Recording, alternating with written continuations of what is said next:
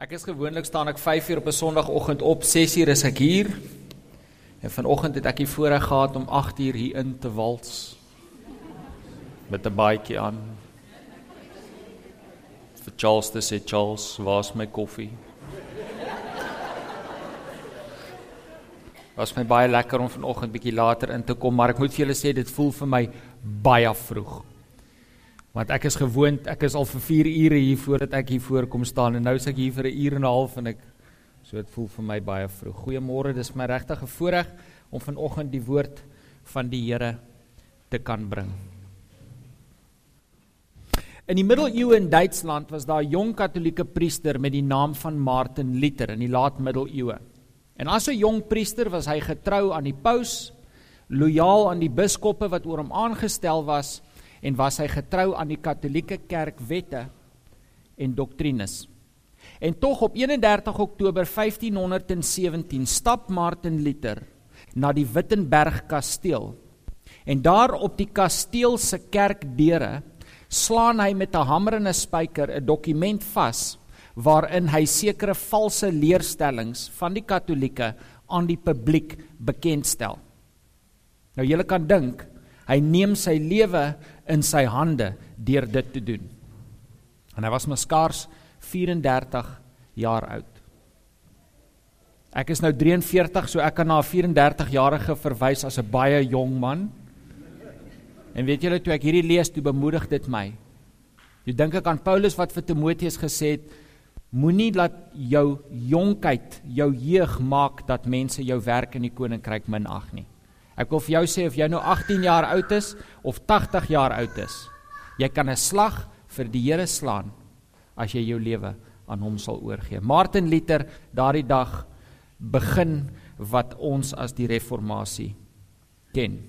Nou ons kan dalk dink dat Luther daardie dag 'n spontane emosiebelaaide aksie geneem het, dat hy daardie nag in 'n droom 'n visioen van die Here ontvang het van die waarheid en wat hy moet doen en dat hy daar aangestorm gekom het by die kerk in emosie, in 'n geestelike ekstase, maar dis nie wat gebeur het nie.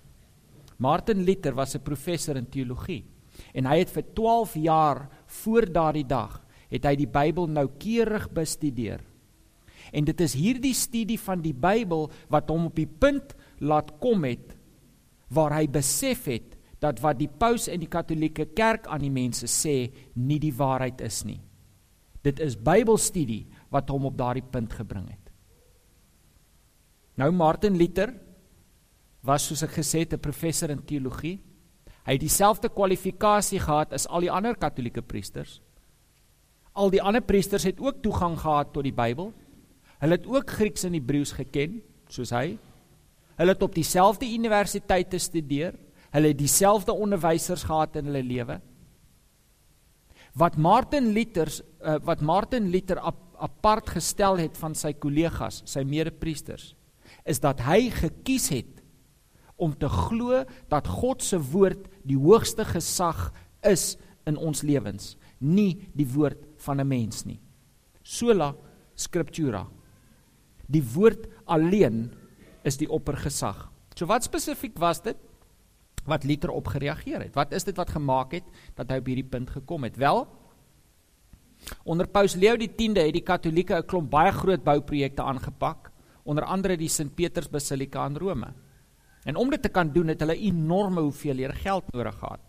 So wat hulle gedoen het, is hulle het begin om vergifnis te verkoop vir geld sien wat die katolieke glo is dat wanneer jy as 'n gelowige doodgaan, jy nie dadelik hemel toe gaan nie. Daar word 'n balansstaat van jou lewe opgetrek, al die goeie word opgeweeg teen die slegte en afhangend nou van hoe hierdie balansstaat lyk, gaan jy 'n sekere hoeveelheid tyd moet deurbring in 'n plek genaamd die vage vuur. Dis 'n vorm van die hel. So jy wat sterf gaan eers na 'n hel toe om daar gesuiwer te word deur die vlamme. Jy moet eers 'n bietjie brand voor jy skoon genoeg is om in die hemel in te gaan. En wat die Katolieke Kerk toe doen, is hulle verkoop toe afslag op hierdie vage vier tydperk vir geld. OK, so die Katolieke amptenaar kom na jou dorpie toe met sy kwitansieboekie as jy wil. Hulle het uh, hulle die kwitansies vergunnings genoem. En hy kom na jou dorp toe met sy boekie vergunnings En afhangend van hoeveel jy betaal of hoeveel van hierdie vergunnings jy dan nou koop, kry jy 'n sekere hoeveelheid afslag op jou vagevuur tydperk. Sekere kerke kon meer afslag gee as ander kerke. En Wittenberg se kerk, uh, se kasteelkerk was een van die baie min in die hele wêreld wat 100% afslag kon gee. OK? En dit is hoekom Luther net toevallig daardie dag, daai spesifieke dag, die dokumentdag gaan vaslaan het, want die volgende dag was 1 November en 1 November in die Katolieke kalender ehm um, is All Saints Day. En op All Saints Day het die Katolieke Kerk afgekondig in Wittenberg kon jy daardie dag met 'n jaar se salaris 100% afslag op jou vagevuur tydperk kry. En jy hoef dit nie net vir jouself te gekoop het nie, jy kon dit vir 'n suster, 'n ma, afgestorwe kind en so voort kon jy ook los koop. Nou as ek sit en dink aan almal wat ek voor lief is. As ek dink aan almal wie ek sal wil loskoop uit die vure van die hel. En dit gaan my 'n jaar se salaris kos vir elke een van hulle. Dan kan ek net so vinnig optel en besef dat ek my huis gaan moet verkoop om dit te kan doen. Maar onthou nou, jy het net een kans. Dis daai dag. Jy het net daai een kans. Dis wanneer die amptenaar daar gaan wees op daai dag. En mense het hulself verarm. Mense het hulle besittings verkoop, hulle het lenings aangegaan teen uh enorme rentekoerse net om te probeer die geld bymekaar kry om miskien 'n afgestorwe kind of ouer uit die vure van die hel te probeer loskoop. Is dit nie verskriklik nie? Hoekom? Omdat hulle hul eie koninkryk op aarde wou uitbrei en dit is wat gemaak het dat Martin Luther daardie dag daardie aksie geneem het. Op 31 Oktober 1517 trek Martin Luther 'n teologiese lyn in die sand en hy sê aan die valse profete van sy tyd tot hier en nie verder nie. Sola scriptura Nou broer en suster, ons leef nie in 'n samelewing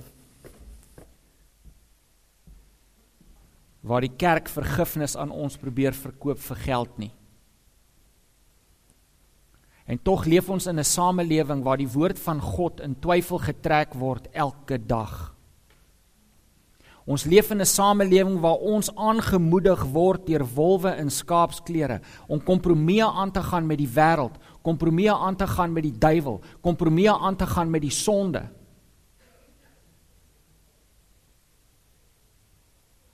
Om onsself meer aanvaarbaar te maak vir 'n samelewing of vir mense in 'n samelewing wat nie die Here wil dien nie.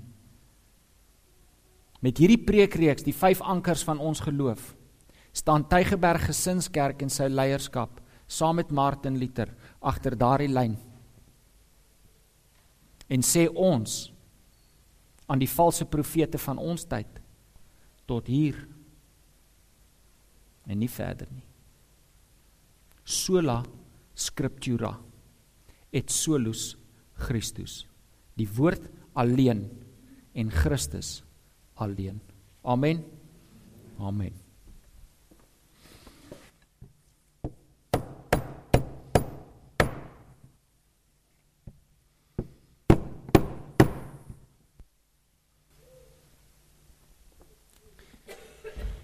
Julle sal oplet.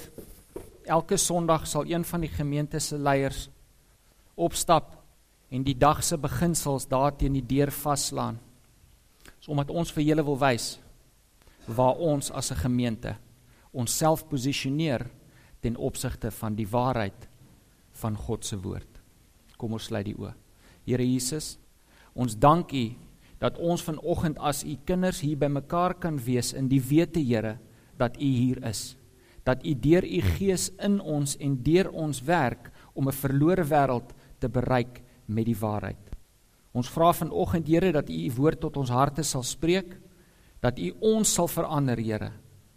Dat U ons nader aan U sal bring sodat ons weer verander die weg na die waarheid kan aanwys. Ons dankie vir u getrouheid en ons loof u vir u liefde. Amen. Amen. Wie is Jesus? Klink dalk na 'n baie eenvoudige vraag. Wie is Jesus? En tog as 'n mens begin rondkyk en rondvra en rondlees, dan raak dit baie vinnig duidelik dat die antwoord dalk nie so eenvoudig soos die vraag is nie. Selfs in Jesus se eie lewenstyd was daar misverstand rondom wie hy werklik is. Ons lees in Markus 8 vers 27 Dit sê daarna het Jesus en sy disippels na die dorpies naby Caesarea Philippi gegaan. Langs die pad het Jesus vir die disippels gevra: "Wie sê die mense is ek?" En hulle antwoord hom: "Johannes die Doper, party sê weer Elia en party een van die profete." Selfs in Jesus se eie lewenstyd was daar onduidelikheid en onsekerheid oor wie hy werklik is. Vir die Romeine was Jesus 'n onbelangrike Joodse godsdienstige leier. Vir die Joodse godsdienstige leiers weer was Jesus 'n moeilikheidmaker, 'n oproerige wat hulle in die publiek aangevat het en hulle reputasies laat skade kry het. Vir die disippels was Jesus rabbi, leermeester. Vir Martha, Maria, Lazarus was Jesus 'n goeie vriend. Selfs in Jesus se tyd was daar onduidelikheid oor wie Jesus is. Nou miskien as ons aan hierdie vraag dink, wie is Jesus? Wie sê die mense is Jesus? Dan kan ons dink dat die wêreld, die ongeredde mense nie belangstel in daardie vraag nie. Nee, is mos nou net Christene wat belangstel in Jesus. Die die wêreld stel nie belang in Jesus nie. Maar niks sou verder van die waarheid af wees nie. Ek wil vir julle vanoggend sê, Jesus is die mees bestudeerde mees bespreekte persoon wat nog ooit geleef het. Oor geen ander mens is daar meer boeke geskryf, rolprente gemaak of debatte gevoer nie. Jesus is selfs vir die ongeredde mense op aarde die belangrikste persoon wat nog ooit geleef het. En as 'n mens kyk na al hierdie rolprente en boeke en dokumentêre en debatte, dan besef 'n mens duisende der duisende mense soek na Jesus. Maar net so 'n handjie vol vind hom ooit. Dink daaraan, ek kyk nou die dag, ek het nie DStv nie, maar ek is nou die dag by iemand toe hulle DStv toe my gunsteling kanaal is is History. Dis die een kanaal wat ek regtig uh, ek vir jou sê DStv trek my as ek kyk na die geskiedenskanaal. En ek kyk gou hierso en hier's 'n hele dokumentêre reeks oor Jesus. Hele reeks oor Jesus op die geskiedenskanaal. Niks niks Christelik daaraan nie geskiedenisdokumentêr. En as ek kyk na al hierdie navorsing as jy wil, dan besef 'n mens, duisende mense vra steeds hierdie vraag: Wie is hierdie Jesus werklik? En tog so min wat hom vind. Ek vra toe vir myself af, okay, as ek nou ongered is, ek het nie in die kerk groot geword nie en ek is op soek na Jesus, ek wil weet wie hierdie Jesus dan nou werklik is, Waar gaan ek begin soek? En die antwoord is natuurlik op die wêreld se grootste inligtingsplatform, né? Op die internet. Google is your friend en ek gaan toe nou na my vriend Google toe en ek tik toe in searching for the real Jesus. En daar kom toe Google sê toe vir my daar is 15.2 miljoen moontlike bladsye waarna ek kan gaan kyk net 'n geval julle gedink het dis net ons wat belangstel in Jesus. 15.2 miljoen moontlike antwoorde. Ek kon toe nou nie, ek gaan nie hulle almal vir jou lees nie, hoor, moenie worry nie. OK.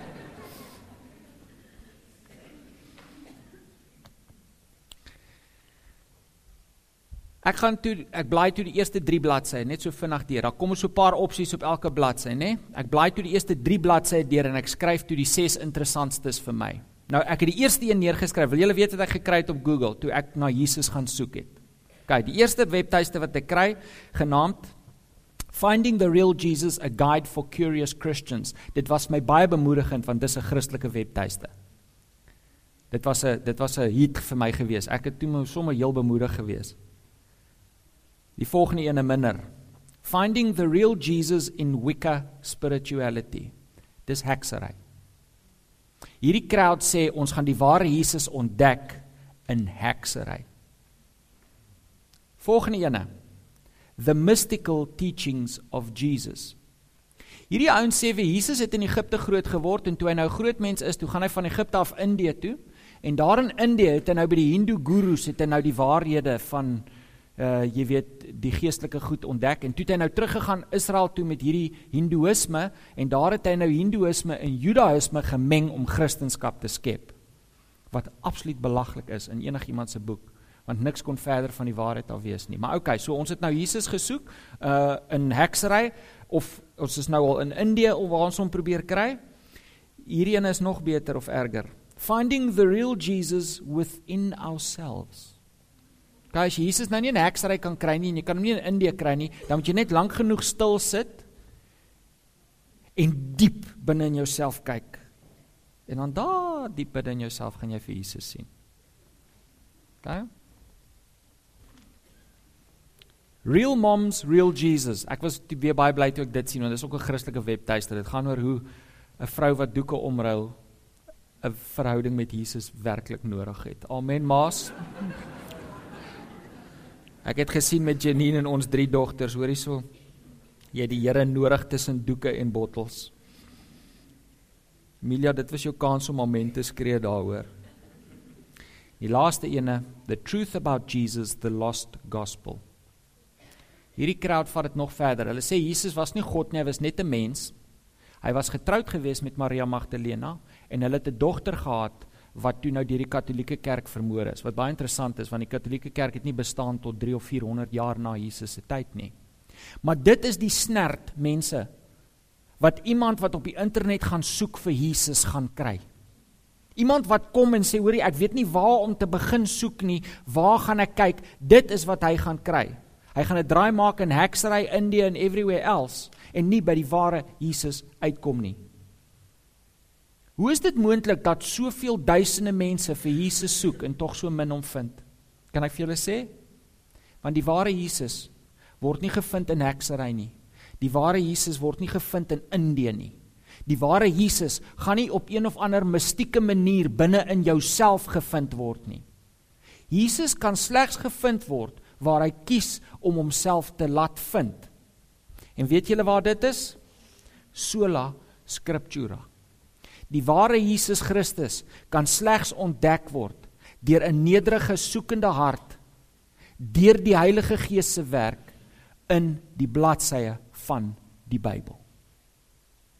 Die ware Jesus is nie te vind op DStv, op Discovery Channel of in wêreldse debatte in universiteite nie. Die ware Jesus is slegs te vind in die skrif. Sola scriptura. Blaai asseblief saam met my na Johannes hoofstuk 5. Johannes hoofstuk 5. Vanoggend is 'n swaar boodskap. Dis 'n swaar boodskap want dis 'n belangrike boodskap. Hierdie is iets waaroor ons nie onduidelikheid mag hê nie, broer en suster. Christendom is nie 'n filosofie nie. Dit is die persoon Jesus Christus. Dis waarom alles draai. Johannes 5, ons lees van vers 30 af. Jesus praat, hy sê uit my eie kan ek niks doen nie. Ek oordeel soos ek dit van die Vader hoor en my oordeel is regverdig omdat dit nie my wil is wat ek nastrewe nie, maar die wil van hom wat my gestuur het. As net ek oor myself getuig, is my getuienis nie geldig nie. Hoor wat sê Jesus? As net ek oor myself getuig, is my getuienis nie geldig nie. Dit beteken nie Jesus se woord is nie geloofwaardig nie, hoor? Volgens Joodse wet moes daar 2 of 3 getuies wees om enige saak te bevestig. En Jesus sê vir hulle, ek weet as ek vir julle sê ek is die verlosser, ek is die Messias en dis net ek wat dit sê, is dit wetlik 'n ongeldige getuienis. OK, dis wat hy sê. Hy sê volgens die wet is dit 'n ongeldige getuienis. Vers 32. Maar daar is ook iemand anders wat oor my getuig en ek weet dat die getuienis wat hy oor my aflê waar is. Julle 'n afvaardiging na Johannes die Doper toe gestuur en wat hy getuig het is die waarheid. Nie dat ek op die getuienis getuienis van 'n mens steun nie, maar ek noem dit sodat julle gered kan word. Aan die ander woorde ek bewys vir julle die waarheid. Johannes was die lamp wat gebrand en geskyn het en julle het gewillig om julle rukkie in sy lig te verheug. Maar ek het getuienis wat nog gewigtiger is as die van Johannes.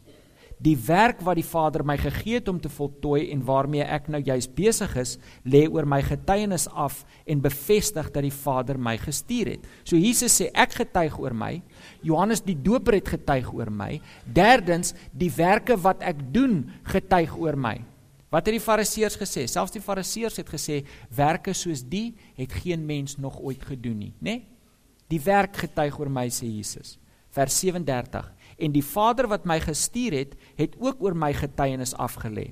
Sy stem het julle nog nooit gehoor nie en sy gestalte ook nie gesien nie. En sy woord, kyk mooi, en sy woord lewe nie werklik in julle nie omdat julle nie in die een glo wat hy gestuur het nie.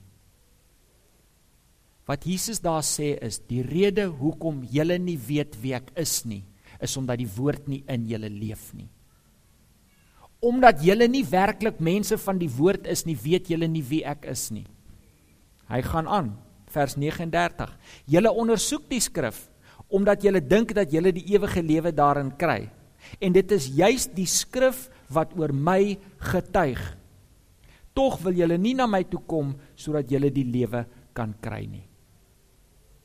Ek is nie gestel op die eer wat mense bewys nie, maar ek ken julle en ek weet dat julle nie liefde vir God in julle het nie. Ek het in die naam van my Vader gekom en tog aanvaar julle my nie. As iemand anders in sy eie naam kom, sal julle hom aanvaar. Hoe kan julle ook in my glo terwyl julle gestel is op die eer wat julle van mekaar ontvang en nie die eer soek wat van die enigste God afkom nie? Jesus sê vir hulle julle so vol van julleself dat daar nie plek binne in julle vir God se woord is nie. Dis wat hy sê. Moenie dink vers 45 dat ek julle by die Vader sal aankla nie. Dit is Moses op wie julle julle hoop gefestig het wat vir julle aankla. As julle Moses geglo het, sou julle in my geglo het, want hy het van my geskrywe. Maar as julle sy geskrifte nie glo nie, hoe sal julle my woorde glo? Jesus sê dit is baie eenvoudig. Ek getuig van my, Johannes die Doper getuig van my, my werke getuig van my, die Vader getuig van my, maar julle weet dit nie want julle is nie waarlik mense van die woord nie. Ja, julle ondersoek die skrif want julle dink dat julle daar verlossing sal kry. Julle dink daar is verlossing in die gehoorsaamheid aan gebooie. Julle mis die punt van die wet. Wanneer Jesus hier praat van Moses wat van hom getuig, dan praat hy van die boeke van die Ou Testament. Net die Jode verwys na die Ou Testament as Moses en die profete. Dan beteken dit die hele Ou Testament. En Jesus sê hier, julle weet nie wie ek is nie, want julle ondersoek die skrif met die verkeerde gesindheid. Julle soek nie werklik God nie. Julle het nie liefde vir God in julle harte nie. Daarom weet julle nie wie ek is nie. Waar word Jesus Christus aan ons openbaar? Kan ek vir julle sê? In Genesis, Exodus, Levitikus, Numeri, Deuteronomium, Joshua, Rigters, Rut, 1 en 2 Samuel, 1 en 2 Konings, ek kan aangaan. Elke boek van die Bybel wys na Jesus Christus. Solus Christus. Jesus alleen is die punt van die skrif. En as ons die woord van God nader met die verkeerde gesindheid, dan gaan ons dit mis. Op die raamwerke die skrif openbaar die Here Jesus Christus aan ons. En hy openbaar die Here as volg aan ons. Nommer 1, Jesus Christus alleen is die verlosser. Jesus Christus alleen is die verlosser. Kom ons plaas plaas vir 'n oomblik ons filosofiese hoede op. OK? Ons motorboards en ons wees gou teologiese filosowe vir 'n oomblik of as jy wil 'n filosofiese teoloog net soos jy wil. Die filosowe kyk na die verlossing van die mens op een van drie maniere. Die eerste manier hoe hulle na verlossing kyk is wat genoem word pluralisme. OK? Pluralisme sê daar is net een God. Die mens is verlore en moet gered word.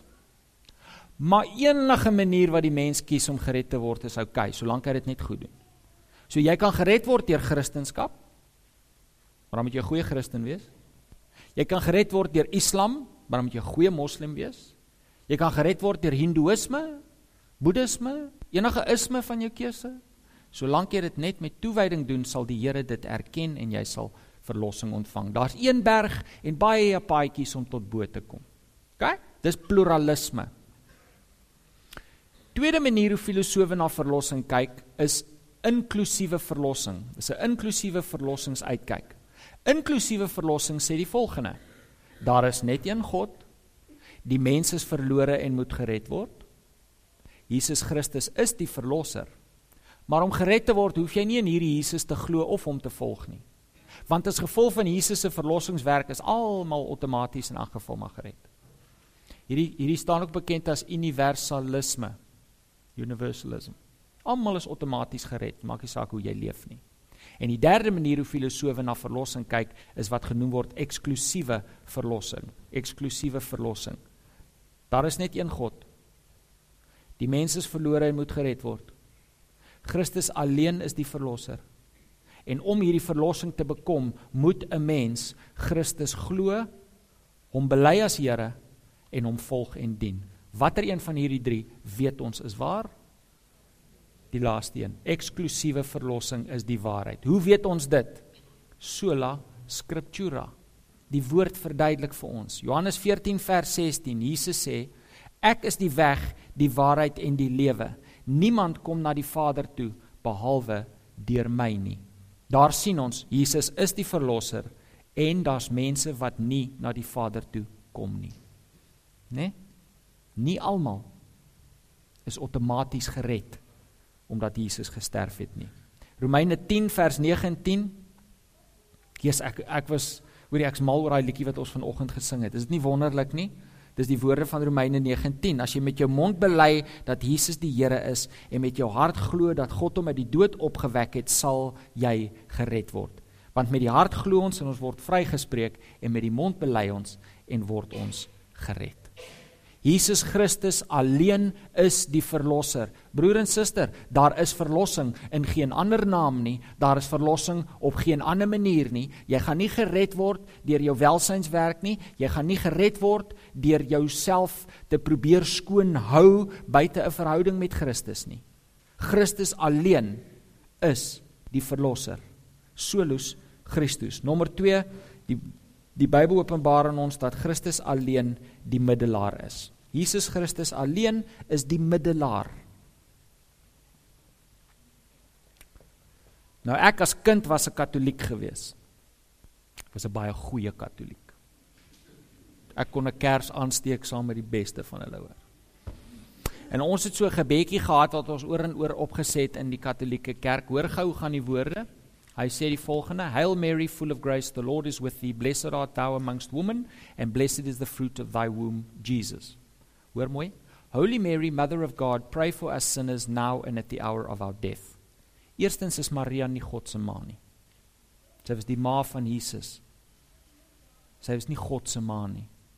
Maar tweedens, daar in daardie gebedjie bid die Katolieke, pray for us now and at the hour of our death. Wat hulle doen is hulle vra vir Maria om hulle middelaar te wees. Hulle vra nie net vir haar om te bid nie. Wat hulle glo in die Katolieke Kerk is dat Maria die medemiddelaar is. So Jesus is die middelaar en Maria is jy weet die Here se sidekick. Die Here is op 'n manier kwaad vir ons oor ons sonde. So wat doen jy as jou pa vir jou kwaad is? Jy gaan vra vir jou ma. So wat hulle sê is Jesus is te kwaad om met ons te praat. Ons moet vir sy ma gaan vra. Nou ons weet dis nie waar nie. Amen. Maria was 'n mens net soos ons. Ons weet daar is net een middelaar en dit is Jesus Christus. Hoe weet ons dit? Sola scriptura. 1 Timoteus 2:5 Daar is immers net een God en daar is net een middelaar tussen God en die mense, die mens Christus Jesus. Jesus is die enigste middelaar tussen ons en die Vader. Christus hou as ware ons hand hier vas en die Vader se hand hier vas en verbind ons met God. Christus is die een wat die deur tot God se teenwoordigheid vir my en jou oophou. Ons weet dit. En tog wonder ek partykeer of ons dit regtig weet. Broer en suster, hoor my mooi asseblief. Ek wil nie vanoggend misverstaan word nie. Asseblief hoor my. Die dominee is nie ons middelaar nie. Die dominee kan niks by die Here kry wat ek en jy nie kan kry nie. Hy het nie 'n spesiale toegangskaartjie tot God se teenwoordigheid wat jy nie het nie. 'n Dominee, 'n predikant moet deur dieselfde deur stap na God se teenwoordigheid as ek en jy en daardie deur word slegs deur Jesus oopgehou. sien wanneer ek sê Here hier is ek, dan is dit die Here Jesus wat die deur vir my oop hou. Ek is nie 'n tweede klas Christen wat buitekant moet wag terwyl jy weet die dominee ingaan en vir die Here gaan vra wat ek nodig het nie. So nou bid ek en ek bid en ek bid en ek kry nie wat ek wil hê nie en ek kry nie wat ek wil hê nie. So nou nou, nou weet ek wat ek gaan doen. Nou gaan ek die dominee vra. Kyk, die Here luister dalk nie na my nie, maar die Here gaan na hom luister, nê. En as dit nie werk nie, dan kry ek nog 5 of 5 of 6 om saam te bid. Nou gaan ons die Here intimideer met getalle. Nee. Nee. Die dominee kan niks by die Here kry wat ek en jy nie kan kry nie. Hoekom? Want die Here Jesus hou die deur oop vir my en jou. As ek dink dat iemand anders iets kan regkry by God wat ek nie kan kry nie, dan vervang ek net Maria met daai persoon. Dan glo ek maar wat die Katolieke glo, iemand anders moet vir my intree by Jesus, by God. Nee. Jesus alleen is die middelaar. Nou, Johan het vanoggend gepraat van die afskeerkaartjies, nê? En een van die goed op hierdie kaartjies vra, het jy behoefte aan gebed? Het jy gebedsversoek? Ek vra vir Dominee Johan om vir my te bid. Ek vra vir julle om vir my te bid ook. En dis reg. Dominee Johan wil hê ons moet vir hom vra om vir ons te bid. Asseblief moenie ophou nie. Die Bybel beveel ons om vir mekaar te bid. Maar ons bid vir mekaar vir spesifieke redes. Hoor hierso. Ek vra vir om vir my te bid. Eerstens omdat ek weet hy's lief vir my. Ek weet hy gee om oor my. Hy is besorgd oor wat van my word en hoe dit met my gaan in my verhouding met die Here. So ek vra vir hom om vir my te bid. Dit gee hom insaag in my lewe. Né? Nee? Dit gee hom insaag in my lewe. Tweedens vra ek vir hom om vir my te bid want dit bevorder eenheid in die gemeente. Hoe gaan nie hoe hoe gaan die gesegdetjie? A family that prays together stays together. Nou ek wil vir julle sê hierdie is 'n family wat saam bid. So saam sal ons staan. Dis 'n manier om eenheid te bevorder. Ons bid vir mekaar, ons dra mekaar op die hart. En die derde rede hoekom ons vir mekaar bid en hoekom ek vir Dominee Johan spesifiek vra om vir my te bid is want gebed is daar om ons op God se agenda te plaas, nie om God op ons agenda te plaas nie. Gebed is nie 'n manier vir my om God te kry om te doen wat ek wil hê nie. Gebed is 'n manier om my hart te bring sodat ek na God se wil sal soek. Jy weet as ek na Dominee Johan toe gaan en ek sê vir hom Dom bid vir my. Ek is nou moeg vir daai Nissan, ek soek 'n Ferrari. Dan gaan hy baie vinnig vir my sê nee broer, daarvoor bid ek nie. Daai's nou nie hoe ons nê? Nee? Ek gee vir hom insaag. Hy het 'n kans om vir my te berading om my berading aan te bied oor hierdie Ferrari, nê? Nee? Maar as ek na hom toe gaan en sê, weet jy Dom, bid vir my, ek sukkel by die werk, ek dit dan gee dit vir hom 'n geleentheid om met my te praat. Ons deel en dra mekaar se laste. Ons is lief vir mekaar as 'n familie. Amen. En ons geestelike pa moet weet wat in ons lewens aangaan. Maar ek wil hê ons moet hierdie ding mooi verstaan. Asseblief hoor my. Dominee Johan, ek, die ouderlinge kan niks by die Here kry wat jy nie kan kry nie. Amen. Want Jesus alleen hou daardie deur tot God se teenwoordigheid vir ons almal oop. En nommer 3 op die raamwerke. Wat het Jesus gesê? Niemand kom na die Vader behalwe deur my nie. Dis nie net verlossing waaroor die Here praat nie. Die Here praat van van sy teenwoordigheid. Daar is nie vir ons toegang tot God se teenwoordigheid behalwe deur Jesus nie. Nommer 3 op die raamwerke, die woord openbaar aan ons, Jesus Christus alleen is die Here. Jesus Christus alleen is die Here. Ons het gesien in Romeine 10 dat ons Christus moet bely as Here as ons gered wil word. Maar wat beteken dit dat Jesus die Here is? Dis een ding vir ons om te sê Jesus is die Here, maar wat beteken dit werklik? Ek kan tog nie iets bely wat ek nie weet wat dit beteken nie, nê? Nee? Wel, die woord Here is die Griekse woord kurios. En die woord kurios word vertaal as baas of meester. OK? So ons sê Jesus is die baas. Maar as jy bietjie dieper na die woord gaan kyk, dan sal jy sien kurios beteken nie net baas nie, dit beteken eienaar, baas. sien, ek is die baas by my werk. Maar ek is nie eienaar baas nie. Ek is 'n bestuurder baas, ek's 'n aangestelde baas. Ek besit nie die firma nie. Die eienaar het gesê ek mag die baas wees. OK? Ek is nie kurios nie. Hy is die kurios. Hy's die eienaar baas. Wanneer ons sê Jesus is die Here, dan sê ons Jesus is die eienaar baas. Kurios was die woord wat slawe gebruik het in Bybelse tye om hulle eienaar aan te spreek. Hulle het hulle eienaar kurios genoem. Wanneer die woord sê dat ons Jesus moet bely as Here, beteken dit dat ons die Here Jesus bely as die enigste regmatige eienaar van ons lewens en alles wat ons het. Dis wat beteken om Jesus Here te noem. Wat het Jesus gesê? Nie almal wat sê Here, Here gaan inkom in die koninkryk nie. Hoekom nie? Want dit help nie net jy sê ja baas en doen nie ja baas nie. Wanneer ek die Here bely as Here, dan gee ek my lewe aan hom oor en ek sê Here, my lewe behoort nie meer aan my nie, my lewe behoort slegs aan U. En Jesus alleen het die reg tot eienaarskap van jou lewe. Filippense 2 vers 7 tot 11 sê maar Jesus het homself verneder deur die gestalte van 'n mens aan te neem en aan mense gelyk te word. En toe hy as mens verskyn het, het hy homself verder verneder Hy was gehoorsaam tot in die dood, ja, die dood aan die kruis. Daarom het God aan hom tot daarom het God hom tot u hoogste eer verhef en hom die naam gegee wat bo elke naam is, sodat in die naam van Jesus elkeen wat in die hemel en op die aarde en onder die aarde is, die knie sou buig en elke tong sou erken Jesus Christus is Here. Die naam wat God aan hom gegee het wat bo elke naam is, is nie Jesus nie, hoor? Hy het die naam Jesus gehad voor hy gebore was. Dis die naam Here. In ander woorde, God het eienaarskap van alles aan Christus oorgegee. Gaan lees die boek Kolossense. Hy verduidelik hierdie beginsel vir ons so mooi. Ek wil vir julle sê Jesus Christus alleen is Here.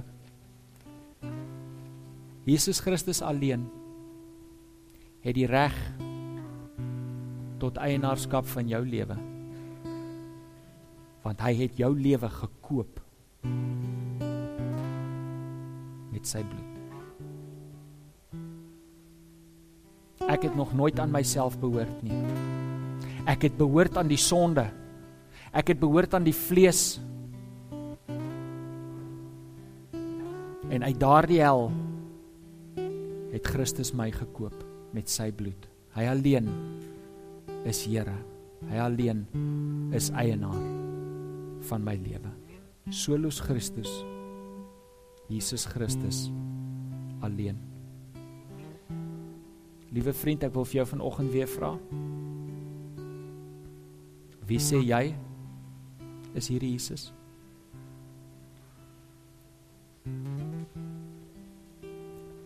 Is die kennis wat jy van Jesus Christus het 'n tweedehandse kennis? Is dit 'n kennis wat jy geërf het van 'n ouer? 'n Sondagskoolonderwyser? Is dit wat jy weet van Jesus wat jy maar hier hoor op 'n Sondag? Of ken jy die Here Jesus Christus as jou verlosser? As jou saligmaker? As jou vriend?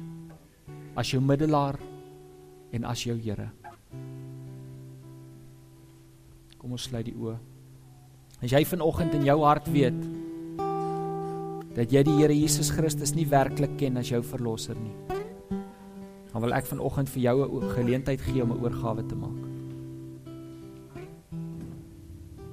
Jy gaan die ewigheid ingaan.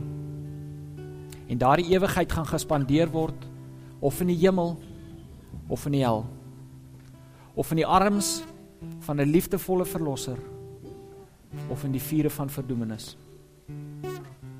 En as jy vanoggend hier is met 'n hart wat soek, dan is dit omdat die Heilige Gees 'n afspraak het vanoggend met jou.